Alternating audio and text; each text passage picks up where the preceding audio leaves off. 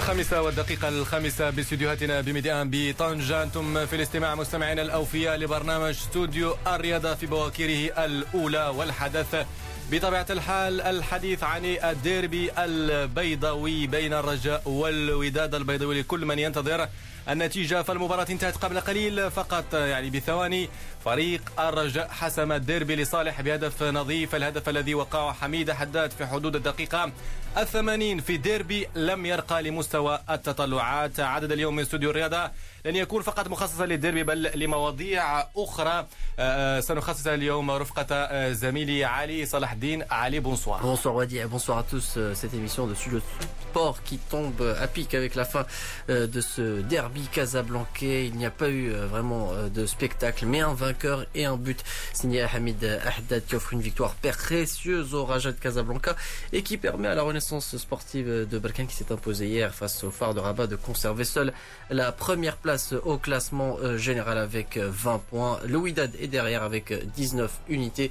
Euh, c'est donc une belle opération pour le Raja de Casablanca qui se relance et qui compte toujours des points au moins à disputer. Donc euh, ça sera donc la première partie de cette émission Studio Sport. On va consacrer un long moment à parler de ce derby casablancais qui a connu la victoire du Raja de Casablanca Wadia, mais ça ne sera pas euh, le seul sujet dans cette émission de Studio Sport.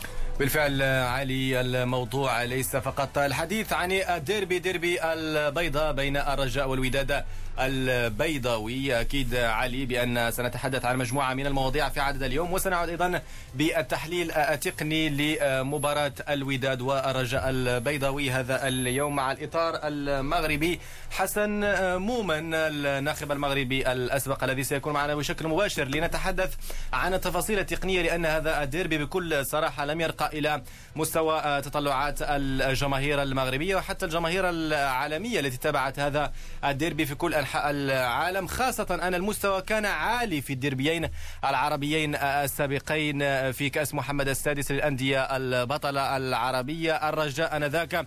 كان هو من حسم التأهل ولو بأنه من دون فوز يعني بتعادلين تعادل في مباراة الذهاب بهدف في كل شبكة. والريمونتادا التي يتذكرها الجميع بأربعة أهداف لمثلها في مباراة الإياب على العموم هذا الديربي. سنعود إليه بالتفصيل لكن في عدد اليوم علي أيضا سنتحدث عن مجموعة من المواضيع. أبرزها مركب محمد السادس لكرة القدم الذي آه، إذا دشنه العاهل المغربي الملك محمد السادس. بنية تحتية رياضية جديدة تخرج إلى الوجود وتؤكد مرة أخرى بأن ما تبقى هو أن نستغل ونحسن استغلال مثل هذه البنيات الرياضية من أجل تطوير كرة القدم المغربية وأيضا بالحديث عن كرة القدم المغربية أيضا على مستوى التكوين علي يبدو أن آه، مسألة الشراكات بدأت تزداد وآخرها الحديث عن أكاديمية محمد السادس ولكن قبل ذلك الفتح الرباطي وأولمبيك ليون. Oui, c'est une belle opération réalisée par le club de la capitale qui a noué un partenariat avec euh, l'Olympique lyonnais pour les trois prochaines années euh, concernant les centres de formation et la qualité des jeunes du FUS de Rabat qui pourront bénéficier de l'expertise de l'OL, l'un des plus grands clubs français en Ligue 1. On écoutera Hamza Hjoui qui nous parlera de ce partenariat et de ce qu'il faudra retenir de ces principaux euh, faits qui vont euh, permettre au FUS d'évoluer euh, dans les années à venir. On le rappelle, le FUS qui a remporté le championnat du Maroc en 2016. On ira également en Europe, voyez, avec la Liga et le choc de la 17e journée qui aura lieu ce soir à partir de 21h. Le Real Madrid qui va recevoir l'Athletic Bilbao avec en quelque sorte l'obligation de s'imposer puisque hier l'équipe du, du FC Barcelone s'est imposée par 4 buts à 1 face au Deportivo Alaves et conserve sa première place seule au classement général. Les Merengues qui tenteront de revenir à hauteur des Blaugrana en cas de succès. On reviendra sur ce match avec Zinedine Zidane qui va dresser un bilan euh, concernant sa formation euh, au début, après ce début de saison et cette première moitié euh, de championnat. Et on en profitera pour faire un tour d'Europe pour voir ce qui s'est passé dans les pelouses européennes, en Angleterre, en Italie et également en Allemagne. Et puis, il n'y aura pas que du football, Wadia, dans cette émission. أخرى حاضرة في عدد اليوم علي والحديث سيكون عن رياضة الملاكمة وأيضا كرة السلة المغربية رياضة الملاكمة وتصفية الألعاب الأولمبية آه، طوكيو 2020 وأيضا كرة السلة المغربية وهذه آه، الإقصائيات المؤهلة للأفرو باسكت رواندا 2021 كل ذلك في عدد اليوم من إخراج ناجي نبيل. إذا نفتح أولى ملفات هذا العدد كما ذكرنا علي في العناوين ديربي البيضاء الذي انطلق في تمام الساعة الثالثة بعد الزوال بصفرة الحكم رضوان جيد. ديربي في ملعب محمد الخامس بحضور جماهيري صحيح لكن غابت التفوهات غابت الفرجة في المدرجات. أيضا غابت الفرجة حتى في المستطيل الأخضر لأن الفريقان لم يقدما مباراة يعني جيدة على المستوى الأداء التقني وحتى على المستوى التكتيكي. يبدو أن الجميع كان ربما راضيا بالتعادل لكن عشر دقائق الأخيرة هي التي كانت الفاصل. تحسن أداء الفريقين. حميد حداد خطف هدفا لفريق رجاء منحه نقاط ثلاث ثمينة في هذه المواجهة. وأيضا فريق الوداد بغيابته الكثيرة لم يحسن استغلال هذه المباراة. على الأقل للخروج متعادل لأن لو تعادل على الأقل سيصبح متصدر إلى جانب نهضة بركان. على العموم قراءة تقنية في هذه المباراة معنا بشكل مباشر عبر الهاتف الإطار المغربي الناخب المغربي الأسبق السيد حسن مؤمن سي حسن مساء الخير. مساء النور ومرحبا مرحبا بالمستمع الكريم. اذا سي حسن مؤمن أكيد بأن تابعت اللقاء آه، عن قرب يعني كل صغيره وكبيره أكيد بأن جرت أبرز الملاحظات التقنيه يعني كيف تلقيت اولا هذا الفوز في ظل الأداء التقني المتواضع للجانبين؟ ولو ربما من جانب الرجاء كان هناك تحرك نسبي على المستوى الهجومي سي حسن. آه، مما لا شك فيه فتقريبا جميع الديربيات كيكون فيها واحد النوع تاع الحذر من الطرفين لأن كتعرفوا الإنسان يمكن له ينتصر في واحد العدد كبير مقابلات ولكن ملي كينهز في الديربي فكيكون عنده واقع كثير على مستوى النفسية على مستوى النتائج على مستوى المحيط وهذا اللي خلى أن اللاعبين كانوا واخدين الاحتياط ديالهم أكثر في طيلة هذه المقابلة. أكيد على أن آه، الشوط الثاني تبانت واحد المجموعه تاع المتغيرات خاصه عرفنا على أن آه، الآن اللاعب المحوري بالنسبة لفريق الرجاء الرياضي وهو الملهم هو صانع الألعاب هو متولي كان شيئا ما آه, كيلعب على الجهة اليسرى أكثر وكان اللاعب نناح هو المحوري وبالتالي فتغيير آه، اللاعب نناح باللاعب حداد فأعطى فرصة اولا للاعب حداد باش أنه فعلا يستغل الجهة اليسرى لأن عنده السرعة ديالو عنده اللياقه البدنية ديالو عنده كذلك الطراوة البدنية عكس على أن دخول كذا وفي نفس الوقت آه، عفوا دخول اللاعب تولي إلى وسط الميدان وبالتالي شفنا الرجاء انه فعلا ولا أكثر خطورة وأكثر امتدادا بالنسبة للاعبين المهاجمين وهذا اللي خلاه فعلا أن كره غادي تخرج من من دفاع الوسط الميدان من عند رجل متولي مباشرة عند لاعب حداد اللي استغل فعلا الفرصة اللي جاته وسجل وكانت هذه طبعا نقطة اعطت عاوتاني واحد تغيير المقابلة بالنسبة للاعبين خاصة الوداديين اللي يحاولوا باش يداركوا ما فاتهم في في في هذه المقابلة على الأقل بالرجوع إلى تعادل كلمة اتى لهم. آه، لأن آه، الفريق ربما تعرج من بعد هذه الإصابة ومن بعد دخول كذلك اللاعب الحفيظي فمن خلالها كيبين اللاعب المدرب السلامي على انه فعلا عنده أوراق اللي يمكن له يلعب بها تكتيكيه وتقنية وهذا اللي خلاه يحتفظ بالكرة ويلعب على النفسية تاع اللاعبين تاع الوداد الرياضي اللي من خلاله أنه شفنا اللاعب النقاش اللي هو اللاعب اللي هو المجرب اللاعب اللي هو دائما يمتلك الأعصاب ديالو دائما حضور ولكن كيف كيف تاخذ الأعصاب ديالو في التالي فكتخرج له الورقة الحمراء اللي في التالي انها ما بقاتش خلات فرصة ولو انها ما بقاتش وقت كثير للمقابلة. باش يمكن اللاعب الفريق الوداد الرياضي يرجع في المقابلة وبالتالي فهذا ديربي. طبعا اللي كان مخصوش ينهزم فيه الوداد ولكن هذه هي كرة القدم. الإنسان اللي كيعرف يستغل الفرص هو اللي ينتصر.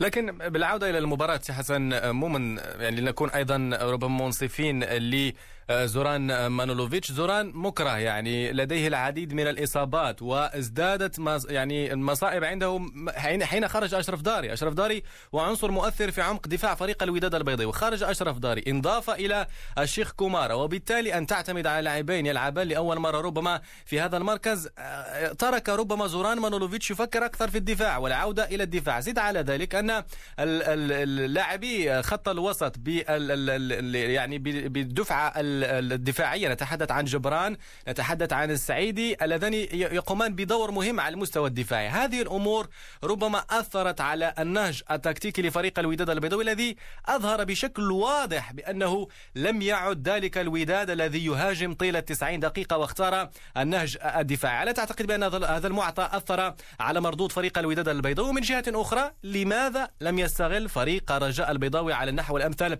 كل هذه المعطيات خاصة أنه يتوفر على أسماء بنزعة هجومية في الخط الأمامي.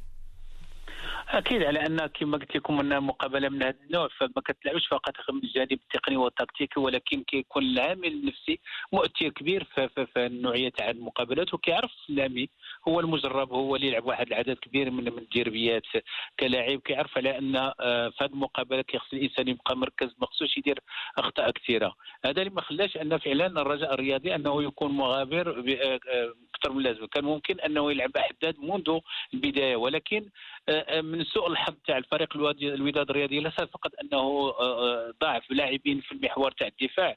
ولكن أكثر من هذا فأن شفنا الرجاء الرياضي آه، كتسترجع كذلك اللاعب حفيظي في آخر هذا المقابلات الأخيرتين وبالتالي فالوقت اللي الوداد كان كيفقد اللاعبين ففريق الرجاء بدأ كيسترجع اللاعبين ديالو وهذا اللي خلاه فعلا أن بعد التغييرات الأخيرة نعم. آه، استطاع باش أنه يسجل آه، طبعا بحال هذه المقابلات ما كيبقاش فيها لاعب وهذه كيعرفوها دائما الفرق بجوج لأن مش حامل لاعب في هذه المناسبة أنه تعطته فرصة وكان آه، خداها فرصة العمر وكان ولا رسمي من بعد لأن الديربي ما ما, ما كيحتكمش فقط التجربه ولكن كيحتكم كذلك البرودة الأعصاب وكذلك الفرص اللي غادي تجيه الإنسان كيخصو يستغلها.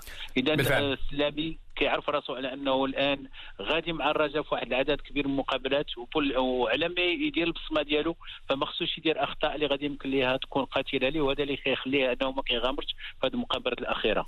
بالفعل الإطار المغربي حسن مؤمن الناخب المغربي الأسبق شكرا جزيلا لك على كل هذه التوضيحات وحضورك معنا على امواج إذاعة ميدي وبالفعل كما ذكرت سي حسن فريق رجاء البيضاوي أمامه مسار كبير شأن شأنه شأن فريق الوداد البيضاوي لأن البطولة ما زالت طويلة على العموم الوداد وفي المركز الثاني. نهضة بركان في الصدارة الرجاء في المركز الرابع. الديربي إذا انتهى بتفوق الرجاء بهدف نظيف وقعه حميد أحداد. نغلق إذا ملف الديربي المغربي بين الرجاء والوداد ونفتح ملف آخر يخص البنى التحتية الرياضية بالمغرب والحديث عن مركب محمد السادس لكرة القدم الذي كما ذكرنا رأى النور قبل أيام في منطقة المعمورة. بالرباط ملف خاص. إذا عن هذا المركب الجديد مركب محمد السادس لكرة القدم.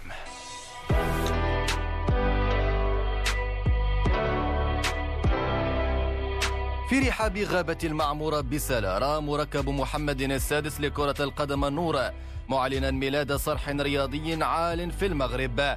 باعتباره ثمرة إصلاح وتحديث ما كان يعرف سابقا بالمركز الوطني لكرة القدم بالمعمورة. ليضاهي بذلك أبرز المراكز العالمية على مستوى البنى التحتية الرياضية من قبيل كلير فونتين في فرنسا ولاس روزاس في إسبانيا. المركب الجديد الذي دشنه الملك محمد السادس يهدف بالأساس إلى استقبال معسكرات المنتخبات المغربية بجميع فئاتها. وكذا فتح الأبواب أمام المنتخبات الأجنبية التي تود إقامة تحضيراتها في المملكة المغربية. الجامعة المغربية وعلى مدى سنوات عملت بإمكانيتها المالية والبشرية لإخراج مركز من هذا الحجم إلى الوجود في إطار تنفيذ البرنامج الوطني لتحديث البنيات التحتية لكرة القدم الوطنية. والذي تطلب غلافا ماليا وصل إلى 630 مليون درهم. المركب الذي شيد على مساحة ناهزت حوالي 30 هكتارا. يضم أحدث الأجهزة الرياضية والملاعب. إذ يضم أربعة ملاعب مجهزة بالعشب الطبيعي وثلاثة بالعشب الاصطناعي. بالإضافة إلى ملعب معشوشب بالنوع الهجين. فضلا عن ملعب مغطى. كما نجد داخل أسوار المركب مسبحا أولمبيا في الهواء الطلق وملعب لكرة القدم الشاطئية وملعبي لرياضة التنس. ولأن الجانب الطبي بات يمثل جزءا كبيرا من العمود الفقري للساحرة المستديرة فالمركب أولى اهتماما ملموسا وواضحا للوحدة الطبية. فالجناح الطبي يحدثنا عن توفره على قاعة للعلاج الفيزيائي وطب العظام والمفاصل والطب النفسي والفحص بالصدى ووحدة طبية للمستعجلات. كما سيعمل المركب بنظام رياضة ودراسة بالنسبة للمكونين. نستمع لرئيس الجامعة الملكية المغربية لكرة القدم فوزي الأقجع الذي حل ضيفا على برنامج الماتش. هو فضاء مهم يعني الموقع نتاعو موجود في قلب الغابة المعمورة. بجوار مدينة الرباط يعني انت في مدينة الرباط. إحنا بعاد ب 10 ولا 15 دقيقة على المركز نتاع مدينة الرباط. المركز موجود على بعد 5 ولا 10 دقائق من المطار. هذه العوامل وجاء على الطريق السيار يعني هذه العوامل قلنا بأنه من الضروري أننا نستغلوا بشكل أو بآخر هذا المركز. كانوا عندنا مجموعة الاختيارات. كان بالإمكان أننا نمشيو في واحد تصور. نتاع أننا نديروا واحد الوحدة فندقية يجيو فيها المنتخبات الوطنية واحد ولا زوج ونديروا واحد الملعب ولا زوج ونبقاو غادي. فقلنا بأنه إحنا غادي نديروا واحد الاستثمار معين. من الناحية المالية إحنا كنصرفوا 130 ولا 140 مليون. إلا درنا واحد الاستثمار من جهة 500 ولا 600 مليون. قلنا بأنه هاد 630 غادي لامورتيسمون تاعها غادي يكون على أربع سنين. يعني واحد الاستثمار اللي تتأمورتي على أربع سنين وكل شيء من بعد ترجع ربح. فهو شيء جميل ومهم. فقلنا دي الفرصة أننا نعطيو لبلادنا والكرة المغربية ولا الرياضة بصورة عامة واحد الاستثمار اللي غادي يبقى ل 50 سنة المقبلة. أعتقد أن مثل هذه المشاريع هي في حد ذاتها تحفيز ذاتي ومعنوي للممارسة الكروية داخل البلاد داخل أي منظومة كيفما كان نوعها لا تستقيم البنية التحتية المتقدمة من دون موارد بشرية كفء قادرة على إبرازها واستثمارها لتحقيق النتائج المرجوة. ولهذا فمركب محمد السادس لكرة القدم من المرتقب أن يستقبل أطرا تقنية وإدارية. من المفروض رأس مالها الرئيس يجمع في بوثقة واحدة الكفاءة والتجربة والخبرة والاستحقاق لكي نضمن حسن ترشيد كل هذه التجهيزات الضخمة. في سبيل تطوير كرة القدم المغربية عودة إلى فوزي لقجع الجانب البشري أنا بالنسبة لي الأمور واضح. عندنا اليوم في المغرب le potentiel كاين le potentiel brut quand il s'exprime à l'âge de 10 ans, 11 ans, 12 ans, il est bon, il est excellent même. المغرب ما يمكنش يجي شي حد يقول لك الدراري المغرب ماشي كويرين. كندوزو بواحد المرحله نتاع الفراغ من 10 سنين à l'âge حتى 20 ans وتنوضوا في المنت... في الفرق نتاع الصفوه المسؤولين والرؤساء تنديروا مجهودات كبيرة باش تكون عندنا فرق وطنية تتمارس في المستوى العالي. وتنجيبوا مدربين في المستوى الكبير و les préparateurs physiques والطبيب وكاين اللي جاب ال mental وال psychologie إلى هذيك la phase de vide نتاع les 10 اللي دري non seulement ما تيتعلمش فيها بل كتوقع له même une dégradation de la valeur هذيك la phase كتخليه ملي يوصل للسينيور ما عندوش les capacités d'assimilation نتاع داك le contenu technico-tactique اللي تعطوا له أنا بالنسبة لي أنا ماشي خبير ولكن أنا حاولت نفهم وحاولت نسمع وحاولت نستعن بالخبره pour moi c'est le véritable ديال donc دابا فين كاين l'enjeu l'enjeu il faut combler هاد le vide il faut détecter ce potentiel. عندنا des des potentiels اللي تيضيع في مجموعه المناطق كما هو معلوم فالمركب الجديد يحتضن مكاتب العديد من المسؤولين التقنيين على المنتخبات الوطنية. وكرة القدم المغربية بصفة عامة. على رأسها الإدارة التقنية الوطنية. الأخيرة تشكل حلقة الوصل بين جميع المنتخبات. إلى الجانب دورها المحوري في تطوير منظومة كرة القدم داخل أسوار الأندية خاصة في شق التكوين والتنقيب عن المواهب الكروية. روبرت أوشن المدير التقني الوطني الجديد يتحدث عن التحديات التي تنتظره في ظل هذه المنشأة الرياضية والإمكانيات التي ستوفرها لها نستمع لروبرت أوشن في هذا الحوار الذي خص به برنامج الماتش. I've been fortunate in my career to work or to visit. في مشواري الرياضي ولحسن الحظ عملت وقمت بزيارات لمنشآت من هذا القبيل ولأكاديميات في العالم وخصوصا في أوروبا. وأنا متأكد من أن هذه المنشأة من بين الأفضل في العالم. هي تمنحنا فرصة كبيرة من أجل تطوير اللاعبين والفرق خلال السنوات القادمة. ولا يمكن لأي مدرب أن يطالب بمنشأة وبنية تحتية أفضل من هاته. لذا فأنا مسرور ومتشوق للعمل لكونها تمنحنا فرصة حقيقية للقيام بعملنا.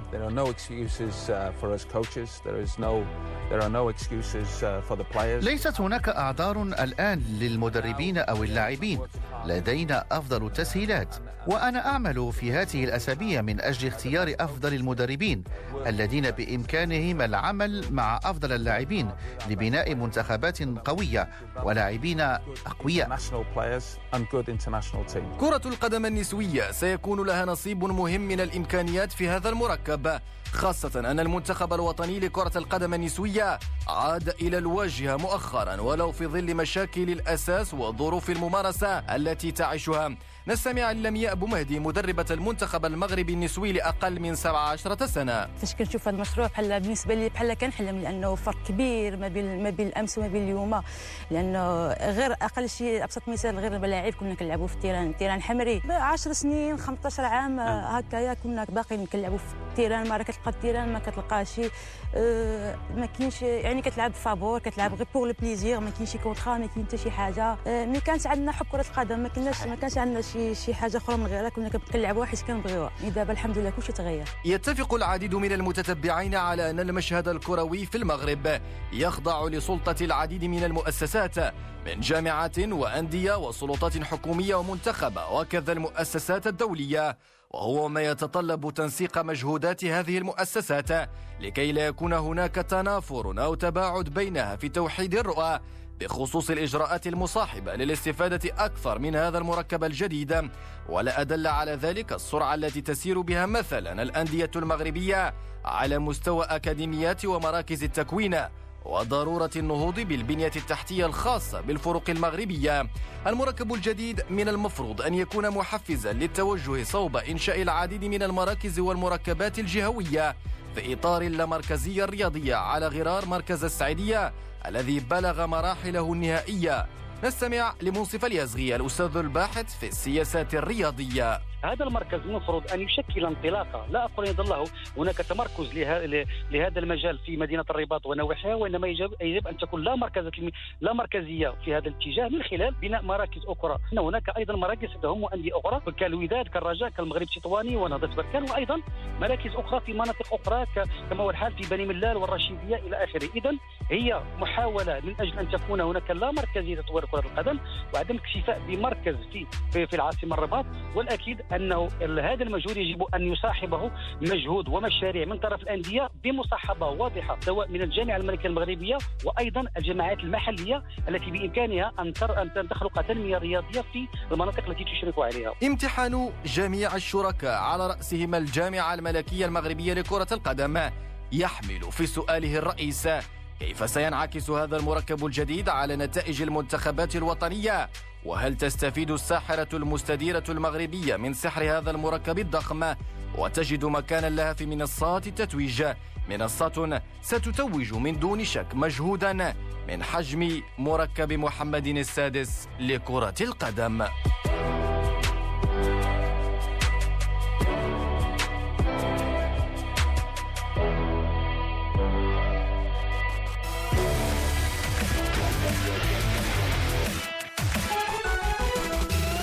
'كان إذا ملف خاص عن مركب محمد السادس الجديد لكرة القدم بمنطقة المعمورة بضواحي مدينة سلا. بهذا مستمعينا الكرام نصل إلى نهاية الجزء الأول من برنامجكم استوديو الرياضة.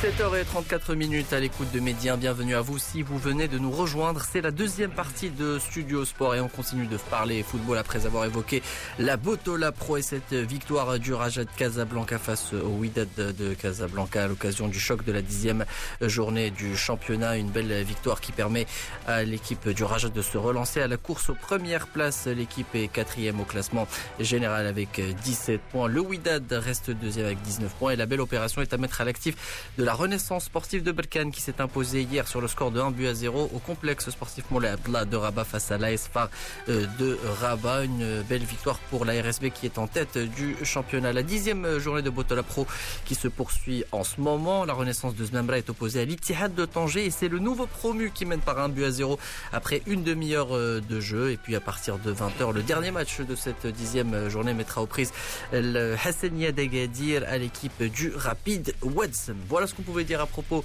du football au Maroc. On, euh, change d'horizon pour aller en Europe et parler des principales affiches du week-end, à commencer euh, par ce match qui se dispute en ce moment entre euh, Tottenham et Chelsea, un derby londonien bien particulier puisque José Mourinho retrouve son ancienne formation des Blues avec bien sûr le costume d'entraîneur des Spurs, un match qui en est à sa cinquième minute de jeu, toujours 0 à 0 entre les deux équipes hier.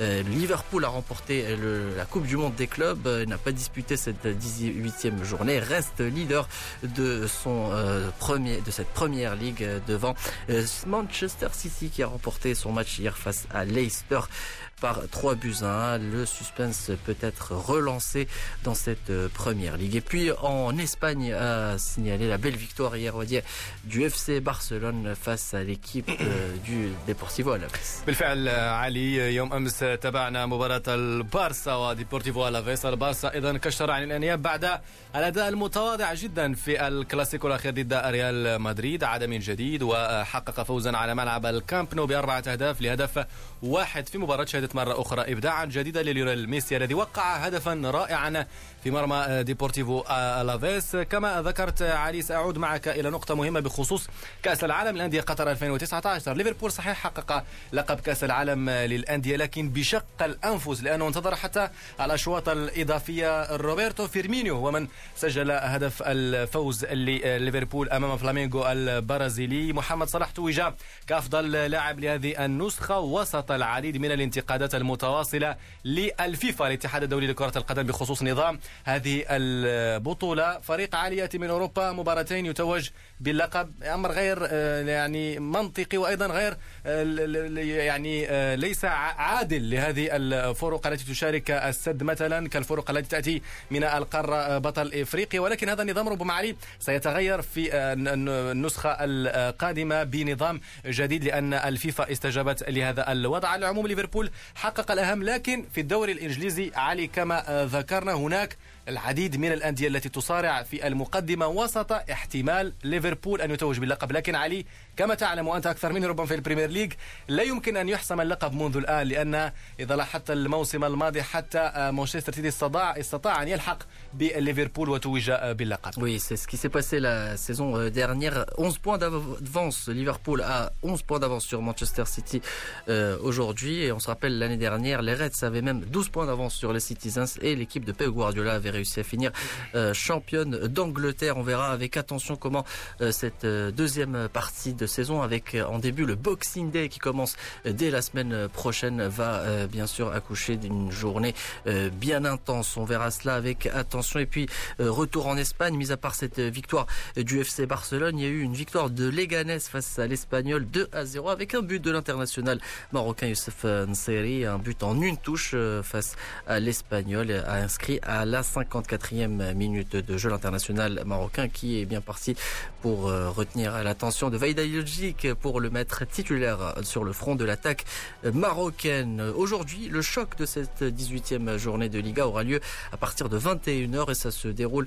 euh, au stade du Santiago Bernabéu à Madrid où le Real euh, est obligé de s'imposer s'il veut retrouver le FC Barcelone en tête de la Liga. Match délicat face à Bilbao qui a toujours posé des problèmes à l'équipe merengue. Zindine Zidane en est conscient. Il revient euh, sur, avant ce choc, il revient sur cette première, première partie de saison du Real Madrid qu'il a plutôt bien géré, le technicien espagnol, qui revient sur son équipe. Je pense que je pense qu'à tous les niveaux, c'est bien parce que ça me paraît important. C'est pas que physique, le physique est très important et je pense qu'on a bien travaillé, on travaille bien avec euh, les personnes qui sont euh, qui s'occupent justement euh, de, de cette de cette équipe, de ces joueurs. Mais je pense que c'est à tous les niveaux. On a été on a été constant. On a on, a eu un début de saison peut-être parfois un peu compliqué, mais je pense qu'il fallait avoir de la patience, il fallait avoir, il fallait surtout travailler et mettre des choses en place et c'est ce qu'on a fait. Et, euh, aujourd'hui on a beaucoup de, constance dans nos, dans, nos matchs pas simplement dans les résultats je pense que dans, notre jeu dans, dans ce que l'on dans ce que l'on propose euh, offensivement et défensivement. Et ça c'est le plus important pour, pour moi. C'est vrai que c'est comme ça enfin je veux dire ça peut être pénible de penser qu'il va falloir toujours à chaque fois fois euh, montrer ou, euh, ou, dire ce que, ce que l'on met en place. Mais c'est bien. Et, et, on croit en ce qu'on fait avec les joueurs. Et ce qui est très important dans le foot, c'est de mettre beaucoup de constance. Et c'est ce qu'on arrive à faire, euh, ce qu'on arrive à faire dernièrement. Mais après, notre identité de jeu, c'est c'est quand on a le ballon, être bon avec le ballon. Et quand on n'a pas, pas le ballon, c'est aussi être très bon défensivement. Et c'est ce qu'on est en train de faire. Après, sur le plan tactique, on peut dire beaucoup de choses. Il y en a qui sont meilleurs. On dira ça. On dira qu'il y en a qui sont spécialistes là-dedans. Moi, la tactique, euh, je le vois pas de la, même manière que les gens peuvent, peuvent l'expliquer. Euh, ce qui est très important, c'est l'état d'esprit. C'est pas parce que même le divorce, comme on dit, les, schémas, les schémas de jeu, schéma de jeu, non. Pour moi, c'est l'animation. C'est l'animation qui est le plus important. Les schémas, euh, on n'arrête pas de dire qu'on joue en 4-4-2. Non, on joue pas en 4-4-2. quand on fait quand on fait le bilan, euh, on joue pas en 4 cases. Ça, c'est juste pour ceux qui, euh, mettent qu'on est en train de, jouer euh, tout le match en, 4-4-2. Ça prouve bien que chacun c'est à sa manière et le plus important, c'est notre animation de jeu et ça et ça on est en train de bien bien bien le faire.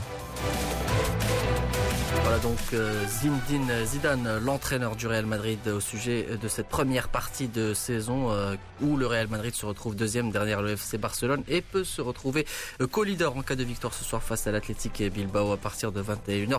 Le Real Madrid qui ne ressemble pas du tout au Real de سولاري deuxième partie de la saison dernière. Et même علي يعني زيدان في بداية الموسم لأن حتى زيدان في بداية الموسم لم يكن مقنعا لأن كانت هناك العديد من الانتقادات حول خيارات زين الدين زيدان حول عودته إلى الحرس القديم لكن بعد مباراة الكلاسيكو حتى قبل مباراة الكلاسيكو ونهاية دور المجموعات بدوري أبطال أوروبا فريق الريال تحسن خاصة على مستوى التنشيط الهجومي. أيضا في وسط الميدان فالفيردي مكسب كبير اليوم على ريال مدريد لأن هذا اللاعب يقوم بمجهود كبير يقوم بافتكاك الكرة هجوميا يسدد يناور يعني من الصعب جدا أن تكتسب مكانة لوكا مودريتش داخل الميرينجي ونعلم أهمية هذا اللاعب في ريال مدريد. أيضا بنزيما بنزيما يقدم موسم رائع رفقة ريال مدريد لأن إذا لاحظت علي بنزيما تحركاته في الملعب دائما يعود إلى الوراء دائما يساعد لاعبي خط الوسط في البناء الهجومي ثم يعود إلى التمركز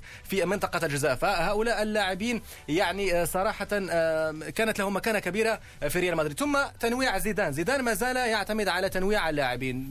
مثلا في مباراة الكلاسيكو اعتمد على ميندي ولو أن ميندي كان جيدا على المستوى الدفاعي هجوميا هناك أسئلة تطرح حول إمكانية الاستمرار للمراهنة على ميندي. ثم أيضا التنويع بين إيسكو بيل رودريغو مجموعة من الأسماء في انتظار عودة إيدن هازار. والعديد من الأسئلة أيضا علي حول وسط دفاع الريال الذي تطور مستواه في الدورة الأخيرة. ليبقى السؤال مطروح علي هل الريال قادر على أن يذهب بعيدا هذا الموسم؟ إذا ما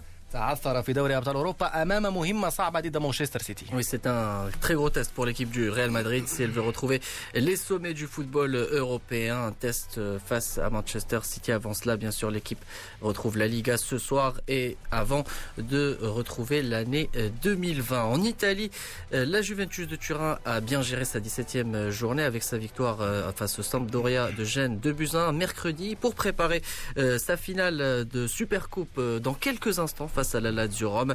Une super coupe qui s'annonce intense entre les deux équipes. La, Juve est donc première de cette euh, série A avec 42 points, tout comme l'Inter Milan qui a remporté hier son duel face au Genova 4 à 0.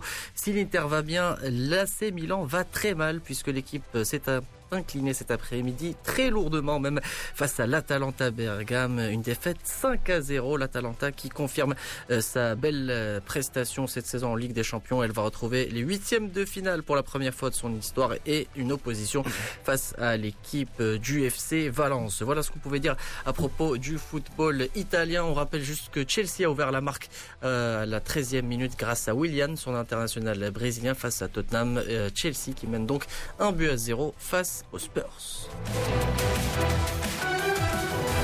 ومن ملاعب كرة القدم إلى حلبات الملاكمة هذه المرة نفتح رياضة الملاكمة المغربية واستعدادات المنتخب المغربي لتصفيات الألعاب الأولمبية المرتقبة في طوكيو 2020 التصفيات ستجرى للإشارة في العاصمة السنغالية دكار شهر فبراير المقبل. الأسود استهلت التحضيرات بحضور العديد من الأسماء لتعرف أكثر عن تحضيرات المنتخب المغربي وحظوظه في هذه التصفيات. نستمع هشام محفوظ الملاكم الدولي المغربي السابق والإطار التقني. تحضيرات الفريق الوطني لفئة الكبار وأيضا لفئة آه، الملاكمة النسوية على قدم وساق على قدم وساق آه، تحضيرا للإقصائيات الأولمبية التي ستحتضنها العاصمة دكار السنغالية في الفترة الممتدة من 20 إلى 29 فبراير من السنة الجارية. وطبيعة الحال هذه الدورة هذه آه، تهم الملاكمين طبيعة الحال آه، من أجل يعني النزال وأيضا الفوز ببطاقة التأهل لدورة الألعاب الأولمبية التي ستحتضنها طوكيو صيف السنة الجارية. الفريق الوطني لفئة الكبار يجري استعداداته آه، تقريبا قرابة السنة بحيث أن الفريق الوطني المغربي للملاكمة شارك في بطولة العالم اللي احتضنتها روسيا شهر شوتنبير الماضي. إلى جانب بطولة العالم شارك أيضا في بطولة الألعاب الإفريقية في نسختها الثانية عشر التي احتضنها المغرب وتحديدا بمدينة الرباط بحكم بحيث أن العناصر الوطنية سواء على مستوى الإناث أو الذكور يعني توجوا كأبطال لإفريقيا بحكم تصدرهم لسبورة الميداليات.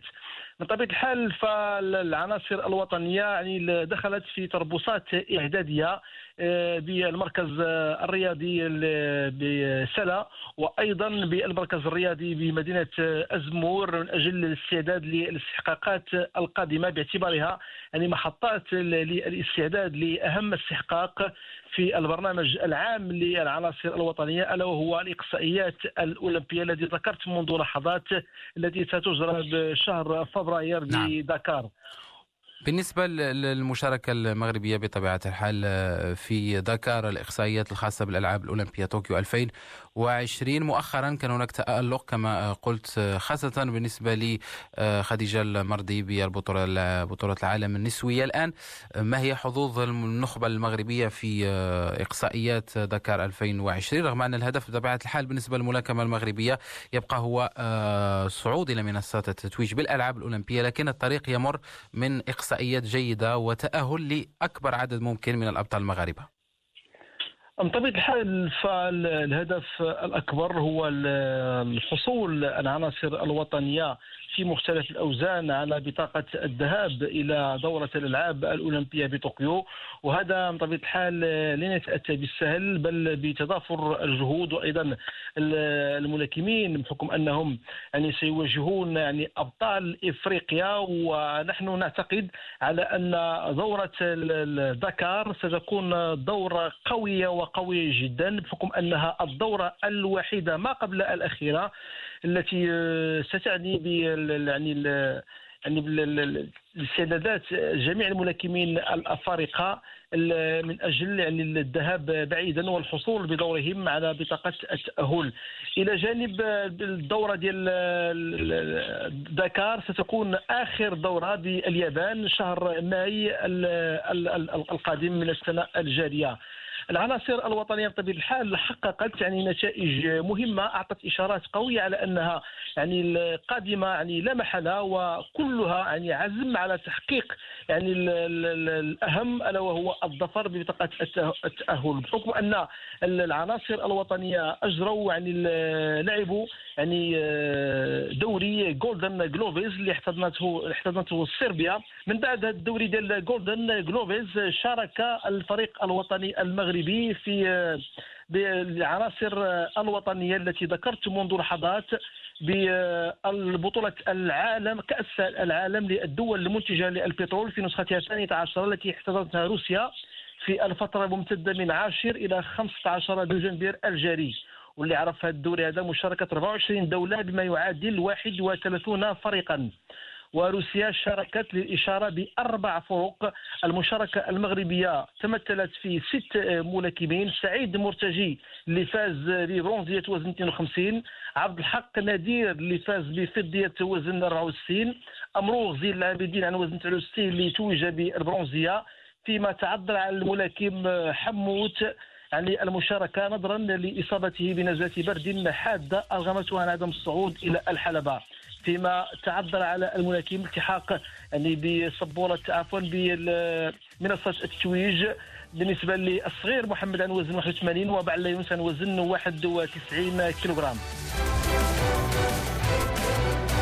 كان هشام محفوظ الملاكم الدولي المغربي السابق والإطار التقني تحدث عن استعدادات المنتخب المغربي لتصفية الألعاب الأولمبية دكار شهر فبراير القادم الالعاب الأولمبية طوكيو 2020 بخصوص رياضة الملاكمه قبل أن نغلق عدد اليوم من استوديو الرياضة الذي امتد لحوالي 55 دقيقة. نذكر فقط ببعض النتائج المسجلة في البطولة الاحترافية المغربية الرجاء حسم الديربي المغربي أمام الوداد بهدف نظيف وقعه حميد حداد في حدود الدقيقة الحادية والثمانين.